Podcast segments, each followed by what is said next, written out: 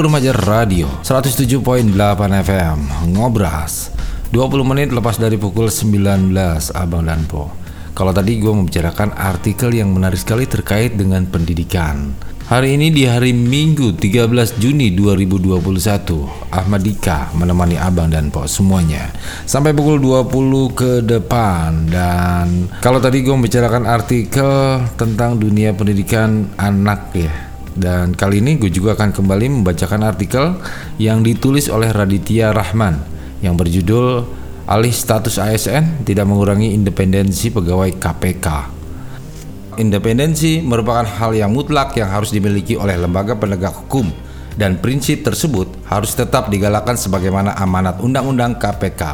Publik pun meyakini bahwa alih status pegawai KPK tidak mempengaruhi independensi pegawai dalam memberantas kasus korupsi.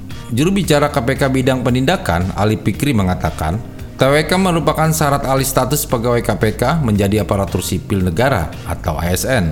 Hal tersebut merupakan amanat dalam Undang-Undang Nomor 19 Tahun 2019. Sehingga tidak benar bahwa TWK merupakan bagian dari perlemahan KPK. Ali juga menegaskan bahwa penanganan korupsi di Indonesia tidak terganggu hanya karena adanya proses alih status. Semua tugas KPK dipastikan tetap berjalan. Sebelumnya, juru bicara Presiden bidang hukum, Dini Purwono menegaskan bahwa PP nomor 41 garis miring 2020 yang menetapkan pegawai di Komisi Pemberantasan Korupsi dalam laman resmi Sekretariat Kabinet mengatakan PP ini tidak mengurangi sifat independen KPK sebagaimana pasal 3 Undang-Undang KPK yang menyatakan KPK tetap independen dan bebas dari pengaruh kekuasaan mana pun. Penetapan status pegawai KPK sebagai ASN atau PNS bukanlah upaya pemerintah untuk melemahkan lembaga anti rasuah tersebut. Sama sekali tidak ada niat pemerintah untuk melemahkan KPK dalam hal ini. Sebaliknya, ini merupakan bagian dari memperkuat institusi pemberantasan korupsi di Indonesia.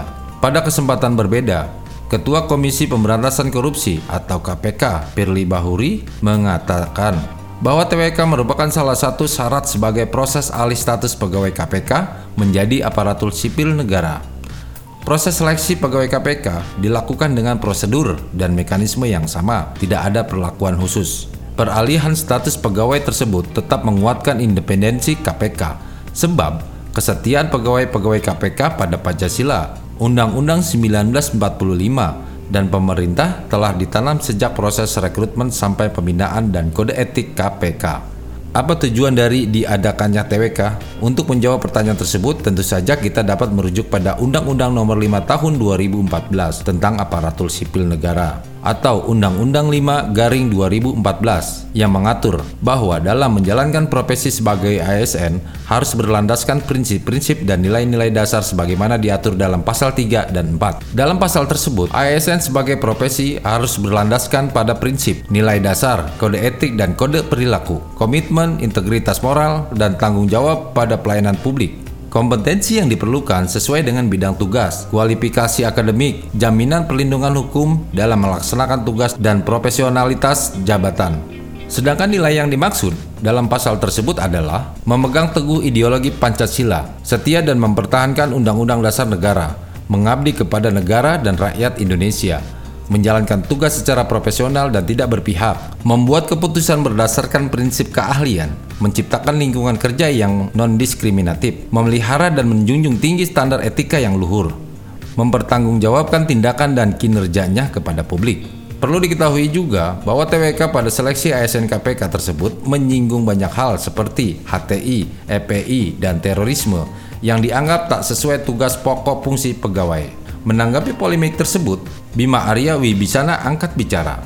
Dirinya menilai wajar jika soal TWK dalam seleksi ASN mempertanyakan soal radikalisme dan organisasi massa, sebab memang itulah yang hendak dinilai lewat asesmen. Asesmen tersebut sebetulnya juga berguna untuk melihat derajat radikalisme peserta tes. Jadi tentu saja wajar jika terdapat pertanyaan atau pancingan dalam wawancara seperti itu untuk menggali tingkat keyakinan peserta. Sementara itu, penggiat media sosial Eko Kuntadi mengatakan bahwa 51 pegawai KPK yang tidak lolos tes wawasan kebangsaan harus segera diberhentikan. Mereka yang tidak lolos tes ASN dan sudah ada verifikasi kedua, kemudian tidak lolos juga. Sehingga tidak ada tujuan untuk mengurangi independensi KPK dengan adanya tes TWK tersebut. Justru, tes ini diperlukan guna mencari pegawai KPK yang mampu memperkuat KPK. Alih status pegawai KPK, tidak mengurangi independensi KPK, justru memperkuat KPK dalam tugasnya memberantas korupsi di muka bumi Indonesia. Penulis adalah kontributor Lingkar Pers dan mahasiswa Cikini.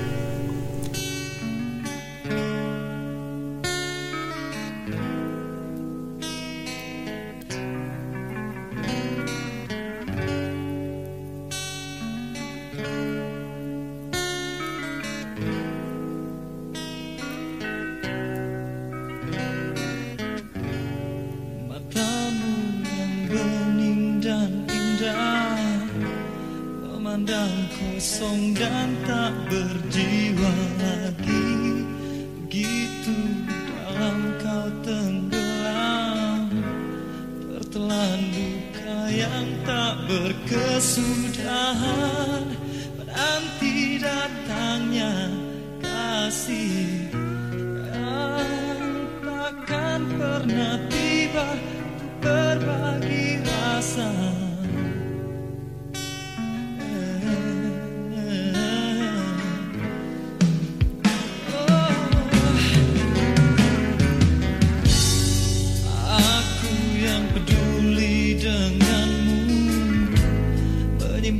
rasa iba yang mendalam. Malam sepi dan tak berteman. Terlewat dengan hanya menegur diri. Kau selalu tak pernah bisa